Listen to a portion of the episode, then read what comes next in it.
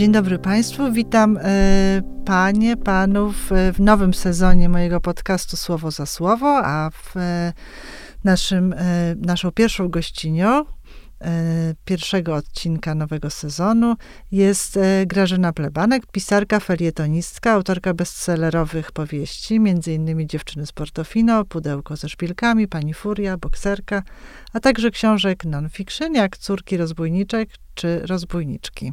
Dzień dobry. Dzień dobry. E, tak się złożyło, że z panią Grażyną spotkałyśmy się w Kazimierzu Dolnym dosyć niedawno i spotkanie, spotkania się odbywały wokół Marii Kuncewiczowej i wtedy e, rozmawiając wpadłyśmy na taki pomysł, żeby właśnie porozmawiać o byciu cudzoziemką, o cudzoziemce, od oczywiście powieści Marii Kuncewiczowej, która to urodziła się w Samarze, a mieszkała w międzyczasie w bardzo różnych miejscach, bo i w Anglii, i w Ameryce, i w Rzymie, i w Paryżu, no i w Kazimierzu nad Wisłą, i w Warszawie, również przy Placu Trzech Krzyży. Mm, no i właściwie tak, no w Polsce była e, moskwiczanką, z, e, a w, w Rosji była traktowana jako Polaczka, więc była zawsze tą cudzoziemką. Mm, natomiast mam wrażenie, i chciałabym porozmawiać z panią, bo pani jest ciągle też gdzieś. E, tutaj na Bielanach, ale jednocześnie i w Brukseli, a wcześniej w Szwecji. Więc jaki, jak pani by zdefiniowała e, swoje bycie cudzoziemką? To jest bycie w ruchu. E, czasami tylko w bezruchu, ale to się bardzo rzadko zdarza. E, jestem z e, Ochoty Warszawskiej, mhm. także też po Warszawie troszeczkę krążyłam, bo po Ochocie były stegny, które się wtedy właśnie świeżo zbudowały, mhm. które były absolutnie paskudne w tym czasie. tak, no ja na Ursynowie w tym czasie też. A to właśnie, to jeszcze bardziej tak, księżycowy tak, krajobraz tak, wtedy, tak, bo tak. pamiętam, że u nas były jeszcze tak zwane ludzkie budynki, czyli czteropiętrowce. Ja właśnie w takich mieszkałam. Mhm. A potem zbudowano e, na naszym osiedlu taki jeden dziesięciopiętrowiec i jeszcze jeden potworny moloch mrówkowy, taki na Czarnomorskiej, mhm. a potem wyście byli. I tak. pamiętam, że to już była wyższa szkoła jazdy, te wysokie bloki, które wyrastały tak. z niczego w zasadzie. No.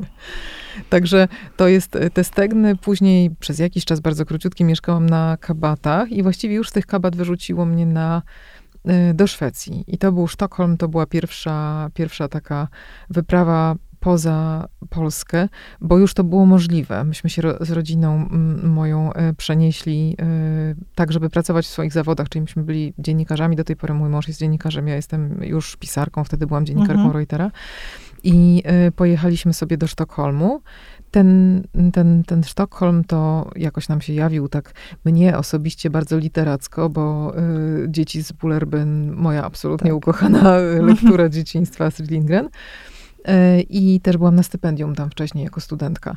Mm, tylko w, nie w Sztokholmie, tylko w takiej miejscowości podbiegunowej, Umeå to się nazywało, mhm. bardzo wysoko. E, I wydawało mi się, że tam po prostu będzie bardzo fajnie, tak jak to mhm. studentom bywa, no ale no myśmy tak. już byli rodziną z malutkimi dziećmi i zaczęły się nieprzespane noce, bynajmniej nie białe. to czy może białe, ale z powodu niewyspania. Także potem dopiero Bruksela. I Bruksela jest już od 17 lat taką moją naprawdę mm, miłością, powiedziałabym. Napisałam o niej książkę, ale, ale to jest jakieś takie oczarowanie. Nie wiem, ja to porównuję z zakochaniem. Mhm. Sztokholm był piękny, miło, bardzo bardzo zimno czasami. E, mam piękne wspomnienia, natomiast mhm. właśnie Bruksela mnie absolutnie jakoś ujęła, więc ta moja cudzoziemskość właściwie w tej chwili jest takim, taką podwójnością między Warszawą a Brukselą. I mówię o miastach, bo to też jest istotne, mhm. że ja się troszkę jednak bardziej definiuję za pomocą miast niż, e, niż jakichś mm, całości mhm. takich Kraju. narodowych. Tak. E, po drodze tam była w międzyczasie jeszcze Kinshasa, też, też jako miasto, tylko nie mieszkałam, tylko, tylko podróżowałam, mhm. właśnie robiąc research do e, książki e, pani Furia. Mhm, mhm. Mm, Bywam regularnie w Paryżu ze względu na pracę, bo tam też mam zawodowe swoje właśnie po, połączenia mhm. z reżyserkami i, i, z pisarkami. Teraz wydam niedługo mm, z nimi wspólną, wspólną książkę z, z pisarkami. I to bycie w ruchu, no nie wiem, to jest chyba już jakiś stan taki takiej, takiego bycia, że jak jestem w ruchu, to jestem u siebie. No tak, właśnie, bo w książce słowa na szczęście inne nienazwane stany duszy. E, lubię bardzo tę książkę, ponieważ ją tak można czytać mm, kawałkami też i e, pisze w niej pani o różnych powiedzeniach y, związanych z danym miejscem, danym krajem, daną społecznością, ale tam we wstępie swoją cudzoziemskość pani bardziej ocenia i to mi się bardzo spodobało, że jest pani włóczykijką. Nie wiem, czy nadal e, tak się pani postrzega i że to włóczykijstwo jest taką koniecznością, czyli e, że, że to nie jest tak, że, że jak się wyjeżdża za granicę, e, że emigruje się ze swojego miejsca, że to zawsze jest e, za miłością, za karierą, czy też e, za, za chlebem, tylko to jest jakaś inna zupełnie potrzeba, prawda? Więc e, czy, czy, czy to włóczykistwo jest takim dobrym, dobrym terminem na to bycie w jest. ruchu? Tak, jest bardzo, bo y, to jest potrzeba wewnętrzna, z którą nic nie da się zrobić. No to właśnie. trzeba się włóczyć. Bo ja coś takiego od zawsze miałam, bo y, nie lubiłam sytuacji, które mnie bardzo określały y, mhm. i lubiłam się wymykać, mieć jakieś swoje ścieżki tropy i to, to, to włóczykistwo się geograficznie też okazało y, mhm. bardzo jakby takie um, uzależniające. Także y, tak, to jest w ogóle coś takiego, nawet takiej metafory użyłam w książce o Brukseli, y, pisząc, mm, pisząc o niej, mm, korzystając z takiej figury psa, który, mhm. który się tam nazywa Zinek, to jest też taki włóczyki, on jest mieszańcem w ogóle różnych ras. Ja też się czuję czasami takim mieszańcem, który chodzi węszy, patrzy, co jest za mhm. rogiem, patrzy, co jest ciekawe czasami z, zaznaczy swój teren właśnie, że to jest jednak jego, chociaż to wcale tam się nie urodził. E, także taką włóczykiką się czuje i te, i te wędrówki po różnych właśnie miastach i, i, i bezdrożach są ważne. No właśnie, ale jak się jest w takim miejscu, to też jest się postrzeganym jakoś przez innych i e, jako pisarce też, e, jak pani się, się czuje w takich sytuacjach, że pani przyjeżdża i czuje się pani w domu tam, tu, jeszcze gdzie indziej, czy właściwie trudno nazwać coś domem, bo to jest ten ruch i e, to, jak inni panią postrzegają, jako obcą, czy jako swoją, bo to, to jest ważne w ogóle dzisiaj tak. pytanie, prawda? No bo właściwie tych, e, no, pojęcie obcego jest bardzo obecne o, o, o, ostatnio u nas i bardzo różnie interpretowane i niestety nie zawsze dobrze. To jest, y, na szczęście bywam w dużych miastach, zamieszkuję y, w dużych mhm. miastach, ale e, pierwsza rzecz, która się dzieje po przyjeździe gdzieś w nowe miejsce, to jest takie odarcie z tego, co było wcześniej. To jest trochę bolesny proces. Ja pierwsze, e, pierwsze takie poczucie miałam w Szwecji właśnie, mhm. kiedy przyjechaliśmy i, i nagle okazało się, że te moje tożsamości, które przywiozłam z Polski, które wydawały mi się absolutnie oczywiste, mhm. właśnie tam e, Polki, warszawianki, studentki, znaczy absolwentki wówczas polonistyki i tak dalej, że to wszystko nie, nie ma tam znaczenia w ogóle. Że jestem tam tak jak wyglądam i tak jak wygląda stereotyp Polki na przykład. To mhm. było też mhm. takie dość bolesne zderzenie. E, I dalej już muszę zarabiać na swoją własną tożsamość w ten sposób, że muszę, muszę to, co robię, się liczy, to, co mówię, się liczy i y, ludzie patrzą na mnie czasami podejrzliwie, oczywiście, bo mają tam swój stereotyp, różny w różnych krajach oczywiście. Mhm. Także nagle się jest ambasadorem własnego kraju, nagle się okazuje, że trzeba się opowiedzieć po jakiejś stronie, że pamiętam wtedy umarł papież, wszyscy się pytali, jak ja się czuję w związku z tym. E, jakoś nie, nie miałam specjalnych wrażeń, ale, ale jakby jako Polkę mnie cały czas pytano. I, I to takie właśnie zaczyna się nagle takie reprezentowanie i, i mm, odzieranie z poprzednich właśnie tożsamości. Natomiast Bruksela jest o tyle fajna, że tam można się zmieszać z mhm. tłumem, przy czym 60% osób, które mieszka w tym mieście, to są e, ludzie skądś. Także tam już jest tak. rzeczywiście taka cudzoziemskość y, bardzo szeroka i, i wszyscy jesteśmy skądś i tam się z kolei tak fajnie teraz y, można napawać nabytą lokalnością, czyli tak mhm. jak już jestem 17 lat, to, to widzę, że ja i tam moi sąsiedzi, którzy z różnych są kątów świata, z Włoch, y, z Francji, z Irlandii, że oni powolutku za, no, zaczynają jakby nabywać tej dzielnicowej na przykład mhm. lokalności. Także my już jesteśmy z tej dzielnicy, już się tym przejmujemy i nasz burmistrz jest z Grecji, także wszystko to ma jakiś taki świeży posmak. Jesteśmy pionierami w tej dzielnicy. No właśnie, ale to jest też ciekawe, co pani powiedziała, że trzeba być takim ambasadorem swojego kraju, czyli jednak e, ta na, przynależność narodowa okazuje się, pewnie właśnie jak już się zostanie cudzoziemką, jakoś nagle się robi bardzo istotna. Nie, nie czuje się tego, jak jesteśmy tutaj w kraju, prawda? No bo widzimy ewentualnie tych innych, którzy przyjeżdżają do nas, ale no, nie musimy się nad tym zastanawiać, jak nas odbierają, bo my jesteśmy tu u siebie. Czyli jednak to bycie u siebie jest uzależnione od tej przynależności narodowej. Ona jest istotna, a jednocześnie nie jest zbyt istotna mhm. w takim momencie, bo istotna jest wtedy, kiedy ludzie mnie przyszpilają i mhm. pytają się, skąd jesteś, a potem widzę, że jest takie klikanie w ich głowach i próbują mnie dopasować, a to do mhm. stereotypu y, na przykład w Brukseli y, y, osoby sprzątającej, a, mhm. a w mhm. Szwecji to była na przykład pielęgniarka, także widzę, że już tam się takie rzeczy dzieją. Mm, a z drugiej strony nie jest to zbyt istotne, bo kiedy na przykład kręcę się w um, towarzystwie, gdzie, gdzie ludzie są no, moich zawodów, powiedzmy mm -hmm. wolnych, wolnych zawodów, mm -hmm. to nagle się okazuje, że nie tyle moja narodowość y, się liczy, tylko e, to, co przynoszę, czyli doświadczenie, czyli mm. tam na przykład e, moje wychowanie w blokach e, właśnie ze Stegien mm -hmm. jest czymś ciekawym, coś tam wnoszę, bo nie wiem, no już banalnie rzecz ujmując, wiem, co to są braki w dostawach wody. Mm -hmm. w blokach regularnie przy no tak, tak, tak. zamykano tak, kurek, zakręcano, także to jest egzotyczne wtedy, jak mówię o tym w Belgii ale na przykład po, pojawiają się takie mieszanki kontekstów, że kiedy mówię, że jestem z bloków, no to po francusku to jest HLM, czyli mhm. te właśnie mieszkania takie... Socjalne. Socjalne, mhm. tak. I teraz tłumaczenie, że ja nie mieszkałam w mieszkaniach socjalnych, tylko że myśmy byli z różnych z przeproszeniem, byłych klas społecznych w, tak. tych, w tych blokach, prawda?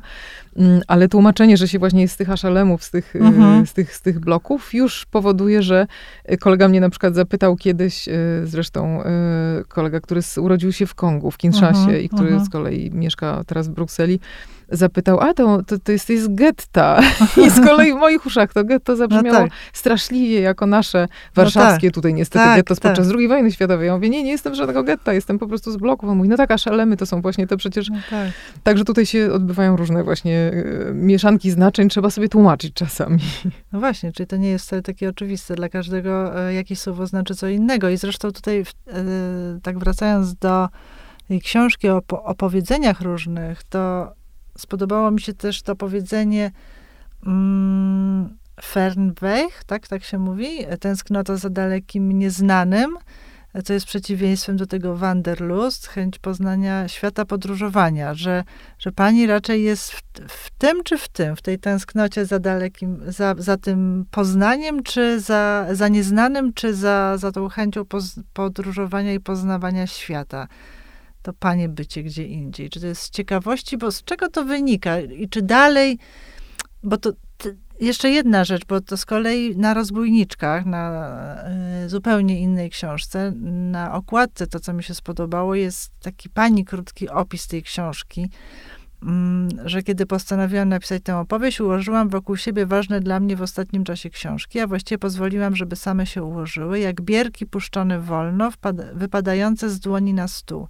To była moja ulubiona gra, gdy jeździłam na kolonie. Do dziś mam do niej słabość. Lubię patrzeć, jak patyczki znajdują swoje miejsce, padają to tu, to tam, same z siebie. Trójzęby, harpuny, wiosła, bosaki, oszczepy lecą. I ja sobie od razu wyobraziłam jakby pani poszukiwania też y, na mapie, że, że po prostu jak te bierki się rozsypują i tutaj te dzieci z Bulerbem, no to jest ten Sztokholm, tutaj jest Bruksela z jakiegoś powodu, tutaj jest ten Paryż, tu Kinshasa, że trochę też jak te, te bierki, które gdzie mnie rzuci los, czy jednak to jest jakoś bardziej w przemyślany sposób? To jest bardziej instynktowne chyba, mhm. bo no, ten Sztokholm, na szczęście była taka możliwość, żeby wybrać sobie e, miejsce, także ja rzeczywiście poszłam za głosem serca, czyli mhm. wydawało mi się, że jakąś, jakoś sobie wyobrażałam tą Skandynawię, ponieważ uwielbiam w ogóle bajki, baśnie mhm. i mity, y, legendy, więc wydawało mi się, że y, pojadę tam i zaznam czegoś takiego, mhm. że dotknę w ogóle tego, tego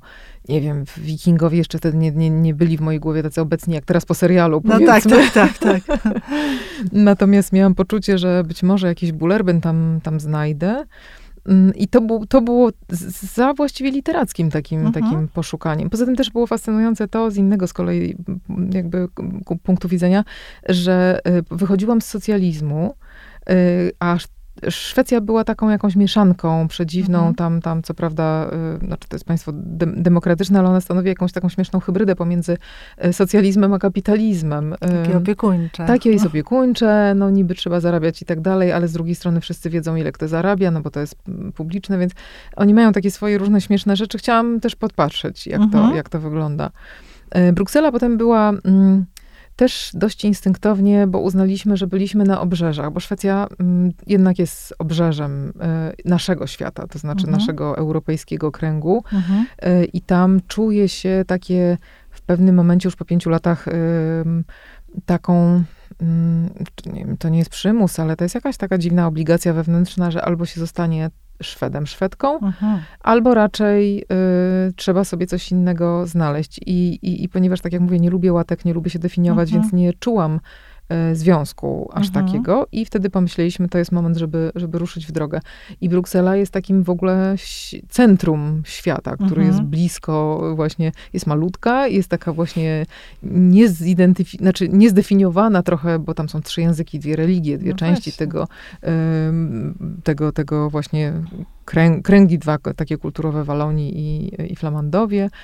Mm, także jej taka trochę nieoczywistość się bardzo dobrze zgadzała z moją nieoczywistością, bo, bo lubię być na skrzyżowaniach, -hmm. lubię sobie tam oglądać właśnie wtedy mm, różne punkty widzenia i mieć do nich dystans. Yy, może się trochę boję zobowiązań po prostu narodowościowych. no właśnie, bo to też jest ciekawe, czy to jest też takie, tak, taki lęk przed tym, żeby się tak e, zidentyfikować z, z, czymś jednym, no bo to jest niebezpieczne gdzieś też, ale no bardzo powszechne, prawda?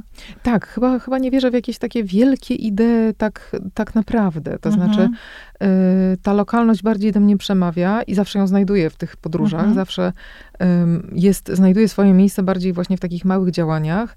Mm, natomiast y, takie wielkie idee nie wydaje mi się, żeby w tym świecie już były takie bardzo istotne, aczkolwiek no oczywiście sytuacja z Rosją w tej chwili przewartościowuje, bo okazuje się, że oni są w takim modelu bardzo XIX-wiecznym cały tak. czas, czyli wielkie mocarstwo usiłuje połknąć y, drugie państwo, więc tutaj trzeba sobie przemyśleć dalej tą kwestię.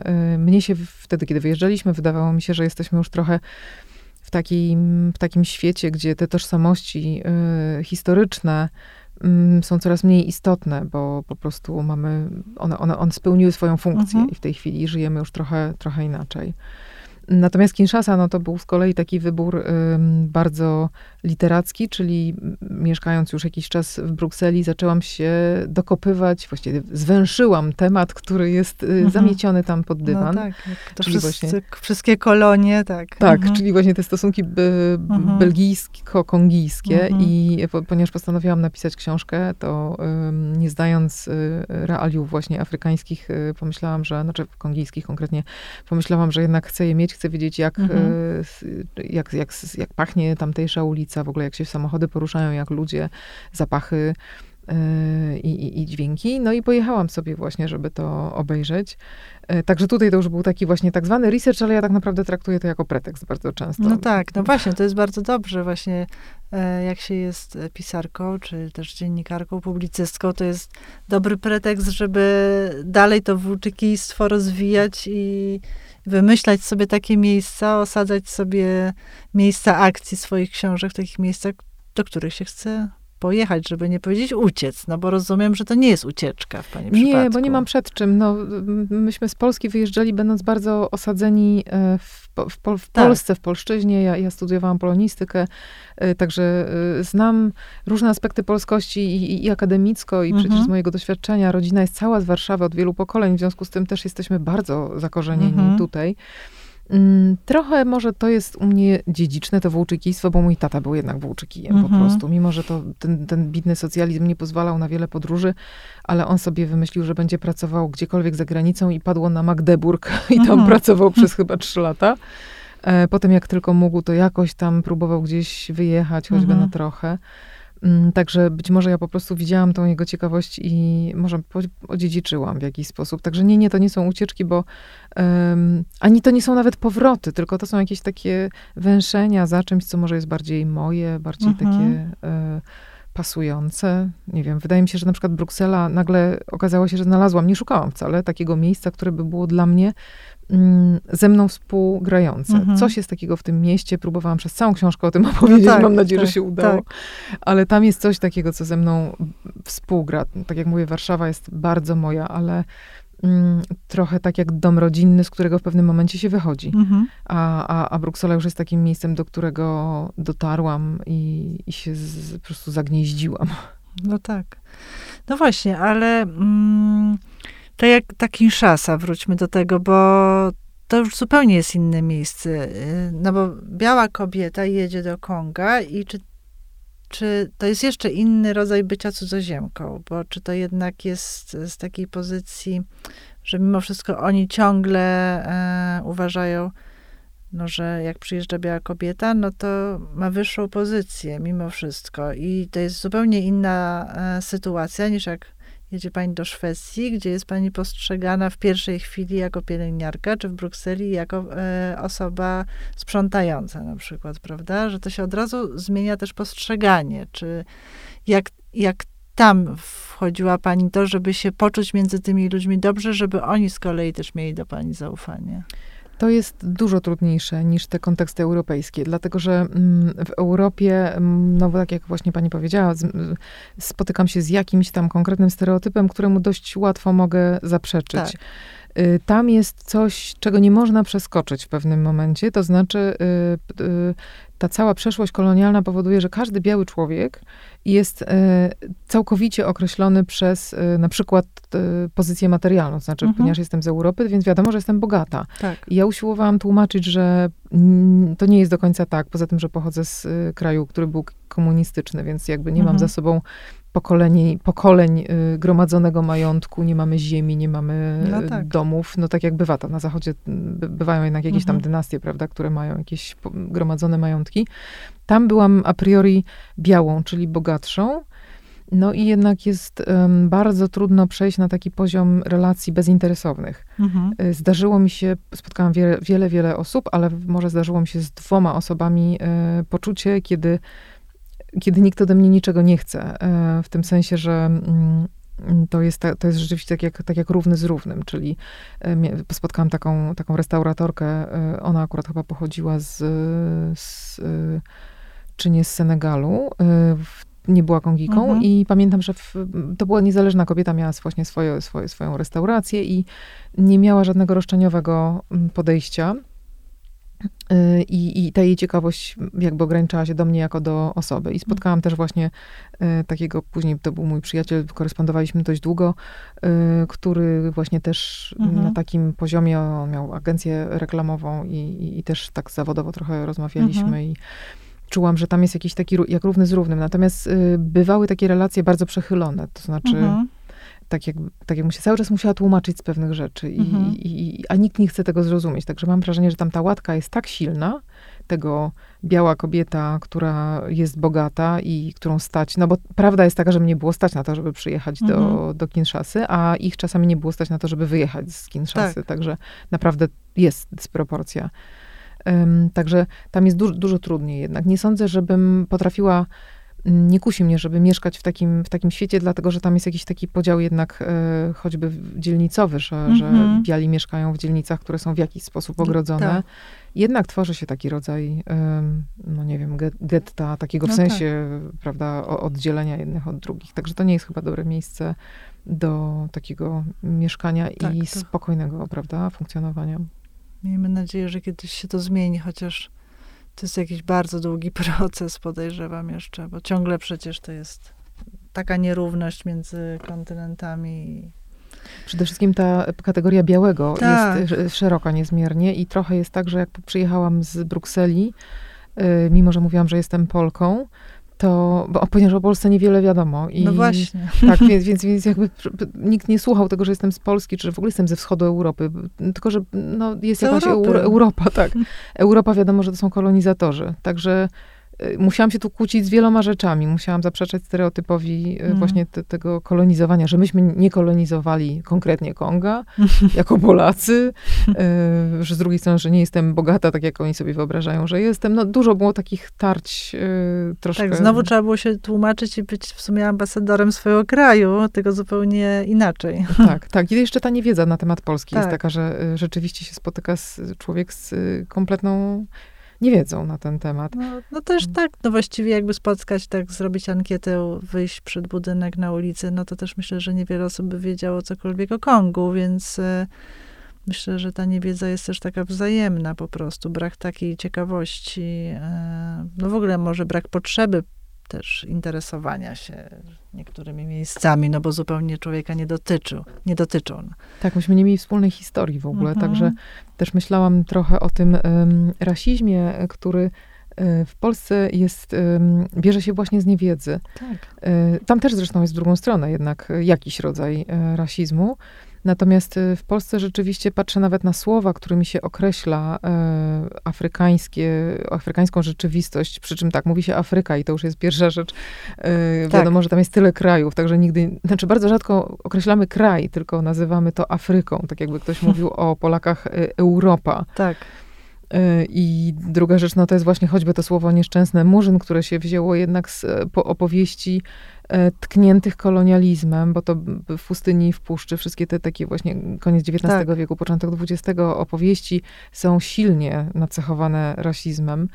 To cały czas w polszczyźnie w jakiś sposób pokutuje, a z drugiej strony no, ten brak kontaktów bieżących powoduje, że my nie mamy nawet potrzeby, żeby wynaleźć jakieś inne. Dopiero ta polityczna poprawność w tej chwili to. No to też jest cieka ciekawe, e, ciekawy temat w ogóle też na, na osobną rozmowę, ale rzeczywiście E, czy już pani przy swoim pisaniu też e, łapie się na tym, że pani zmieniła język na przykład przez te wszystkie lata, bo to jest dla mnie też ciekawe takie i każdego to, to właściwie pytań, pytam, bo 20 e, lat temu jednak używało się też innego języka, no ten język ciągle się rozwija i teraz jeszcze dochodzi teraz tak zwana ta polityczność, polityczna poprawność, ale jakoś ta inkluzywność i też takie bardziej otwarcie i też chęć zrozumienia też, no bo po prostu się mówi o różnych rzeczach, o których się nie mówiło, mm, to ma jednak wpływ na słowo i to jest bardzo taka delikatna materia. To jest, no, dużo, trzeba mieć dużą świadomość. Prawda? Ja bym się tutaj do empatii odwołała. Mhm. Staram się, bo od 17 lat mieszkam w państwie postkolonialnym i mhm. tam na przykład pewne rzeczy, pewnych rzeczy nie wolno robić już, znaczy nie, nie wolno, w tym sensie, że po prostu już naprawdę nie uchodzi. Mhm. Czyli mówienie na przykład, gdybym napisała książkę o Belgach i w tytule byłoby Belgowie albo belgijskie coś tam, no to to był, już by, był pewien rodzaj nietaktu, kiedy jedna, osoba jednej nacji próbuje określić i zdefiniować drugą nację. Mhm. To już mhm. jest takim grubym naprawdę markerem mhm. zakreślone. Mhm. Tam właśnie przez tą ich y, kolonialną przeszłość oni się starają właśnie unikać takiego y, y, takiego wyższościowego tonu, który nie musi być wcale wyższościowy, może się brać z mhm. dobrych intencji typu ciekawość, tylko mm, takie właśnie zamiatanie ludzi do, do mhm. jednego worka, no to jest już bardzo tam, bardzo ludzie do tego ostrożnie podchodzą i, i właśnie starają się unikać takich e, rzeczy, bo trochę to trąci życiem seksualnych, seksualnym dzikich, e, tak, słowa tak. tak. No właśnie, ale czy to też widać, jak na przykład e, czyta pani książki tam wydane przez tamtejszych pisarzy i tutaj wydane, albo e, artykuły w gazetach, czy mm, jest różnica między tym językiem polskim, którego my używamy, a tym językiem na przykład francuskim czy flamandzkim, którego tam się używa? Jest. E, I widzę to w e, mało ciekawych literacko rzeczach typu ulotki mhm. dzielnicowe, które w, wkładają do skrzynek mhm. mieszkańcom. Tam ta inkluzywność się pojawiła bardzo wcześnie, właściwie, y, nie wiem, już kilka lat temu, zanim się w ogóle zaczęły kwestie tych końcówek. Mhm. Tam są wszystkie y, bardzo pilnowane te inkluzywne, czyli się dodaje y, literki oznaczające żeńską końcówkę, mhm. mnogą końcówkę mhm. i bardzo się o to dba cały czas. Polszczyzna jest inaczej skonstruowana oczywiście, więc trudniej jest trochę to zrobić, bo trzeba zawsze dodawać drugie słowo, czyli trzeba powiedzieć... Panie, czy, panowie. Panie, tak. panowie, mhm. czytelnicy, czytelniczki. Zawsze tak. trzeba dodać kolejne słowo. Tam jest jest po prostu wystarczy dodać kropeczkę E, kropeczka S mhm. i wtedy wychodzi już y, kolejny otwarcie na następną grupę społeczną. Także łatwiej, ale bardzo się tam w tej chwili y, ludzie pilnują. Ja nie wiem, czy to jest właśnie polityczna poprawność. Ja bym to określiła jako rodzaj empatii, bo widzę, że mm, często jest taka zasada, którą sama stosuję w życiu, czyli mhm. nie rób drugiemu, co tobie niemiłe. Tak. tak, jak, tak jak z kwestią tego murzyna, no bardzo jest wiele teorii na mhm. ten temat. I ja osobiście słuchając... Y, chyba ktoś z Rosji kiedyś powiedział paliaki y, mhm. w moim. Te, te, takie słowa, które mają jakiś rodzaj y, lekceważenia w mhm. sobie, czy niosą taki ładunek no, lekkiej pogardy, czy po prostu patronizują, natychmiast wyrzucam. Mhm. E, automatycznie po prostu, nawet nie z uprzejmości, tylko z powodu tego, że mnie byłoby przykro gdyby wobec mnie ktoś coś takiego zastosował. Także takiej się trzymam zasady. Może to też jest po prostu taki e, naturalny rozwój człowieka, no bo jednak e, no, ta ludzkość też się rozwija ciągle, nie tylko technologicznie, ale też i w naszej świadomości bardzo jednak się rozwijamy i no, z różnych powodów, czy to też klimatu, czy właśnie e, tej empatii, czy, czy, czy też no, e, no, ciągle jednak jako kobiety, no jakby ciągle nie mamy pozałatwianych różnych spraw i ciągle walczymy o te prawa, mimo że to już trwa tyle, tyle czasu, no ale jednak za każdym razem jest jakiś krok naprzód, więc może ten język i ta inkluzywność też z tego wynika. Tak, to jest rozwijanie świadomości społeczeństw. Mhm. To jest w ogóle bardzo dobry proces od, od ponad 100 lat lat się dzieje y, w sposób y, dynamiczny niezmiernie, między innymi z powodu też, z powodów ekonomicznych, bo my jako kobiety doszłyśmy, y, weszłyśmy na rynek pracy, tak. także jesteśmy w tej chwili siłą sprawczą i nie można nas zlekceważyć. Tak samo właśnie wszystkie tam Black Lives Matter, to, mhm. też, to też są jakby głosy ludzi, którzy doszli do głosu, którzy w tej tak. chwili dopiero mogą mówić. A skoro mogą mówić, to opowiadają o swoich doświadczeniach. No i musimy mieć świadomość, że y, głos, który był słyszalny w XIX wieku, to jednak był głos białego mężczyzny. I właściwie tyle. Czasami się zdarzał głos kobiety, bardzo rzadko y, królowej albo hmm. z rzadka pisarki, a teraz jest jednak tych głosów dużo, dużo więcej i trzeba sobie, y, trzeba, znaczy słuchamy ich nawzajem. To tak. ja jestem, wiem, że ludzie są raczej pesymistyczni, ale ja jestem optymistyczna, bo nawet jeżeli zapędzamy się w politycznej poprawności, w jakiś rodzaj, mm, w jakiś rodzaj powiedzmy nierozwijania, tylko właśnie zamykania, mhm. to mimo to sam proces jest procesem i o jakimś rozwoju świadczy. To, że przedyskutujemy pewne kwestie, to, że one w ogóle padły, że są na nie słowa, tak jak molestowanie seksualne, mm. akcja z mitu. We Francji właśnie bardzo była e, po, po, mm, szeroko, jakby te mhm. dyskusje się toczyły i to było bardzo potrzebne, żeby nazwać w ogóle te wszystkie y, rzeczy. Także w tej chwili takie drobne sprawy typu ktoś y, w kontekście zawodowym rzuca y, nagle w moim kierunku komplement, to, mhm. Y, to nie jest coś, co mnie już tak bardzo cieszy, bo gdyby to padło poza tym kontekstem zawodowym, to być może byłoby sympatycznie, ale jesteśmy w pracy mhm. i już jakby tu się zmieniło. No i teraz możemy nazwać to wszystko, tak. że to jest jakby niestosowne, a kiedyś nie, nie było na to słów i, i było, że jesteśmy przewrażliwione, albo w ogóle co nam się, co nam się stało. Także no tak. rozwijamy tak. się. No myślę, że ma Pani tutaj dużą wrażliwość, jeśli chodzi o to, bo widać w Pani książkach jednak też e, książki są o kobietach i czy to jak rozbójniczki, czy no właściwie każda książka, no to, to widać, że, że, że pani też w, przez swo, swoje pisanie, ta, to, to rozwijanie się właśnie tej świadomości społecznej, to jakby nadaje pani też temu kierunek, no, że, że to e, e, że, że, że, że, właśnie jeżeli ktoś jeszcze mm, nie jest do tego przekonany, to myślę, że po takich lekturach jak pani książki, to powinien się bardziej otworzyć na to wszystko. A jeszcze mam pytanie, dwa pytania jeszcze na koniec. Jedno to jest a propos naszego kraju, bo um, też wyjeżdżając i jeżdżąc, co jest takiego, co najbardziej panią denerwuje e, jako nasze takie cechy narodowe, czyli nie mówię tutaj o kontekście już politycznym, co panią w Polsce denerwuje, bo to byśmy nie, nie wyszły do rana pewnie, ale, ale e, jakbyśmy zaczęły o tym rozmawiać, natomiast, natomiast chodzi mi o, no tak w Polkach, Polakach, mając też tak, taki dużo większy horyzont, prawda? Mieszkając w różnych mie mie miejscach. Może coś takiego się robi bez sensu, że traci się trochę energii, czas na pewne rzeczy, a już inni na to mają sposób, jak na przykład to szwedzkie lagom, prawda? Czy, czy, czy, czy tak. tyle wystarczy i jest okej. Okay. Tak. Ja już mam taką, już jestem w takiej fazie, kiedy nie próbuję ściągać wzorów Aha. z zachodu tutaj, mhm. bo mam, mam jakiś taki duży szacunek w tej chwili dla specyfiki, mhm. również właśnie w tym kontekście polskiej, mhm. prawda, że mamy swoje fajne. specyficzne rzeczy. Ja, ja, je po prostu strasznie lubię, chociaż one są mhm. czasami bardzo upierdliwe.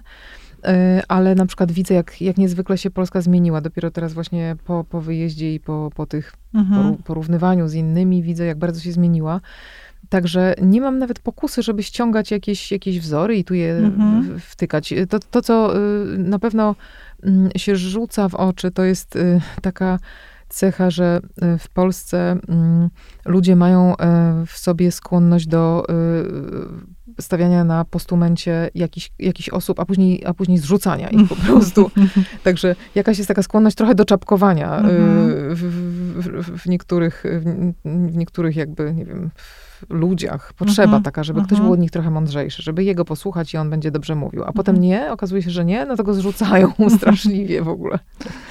Czyli broń Boże, żeby zasłużyć sobie na, na to bycie tym kimś wyniesionym, bo i tak się źle skończy. Tak, to tak, to po pierwsze. Po drugie, no, bywają jeszcze takie resztki troszeczkę snobizmu, to już mówię akurat o świecie, powiedzmy, takim, nie wiem, sztuki. Yy, mhm. Bywają takie, takie resztki snobizmu, kiedy, kiedy nie wiem, jeszcze się spotykam czasami z, określeniem literatura wysoka na przykład. I to mhm. jest już. Yy, no tak.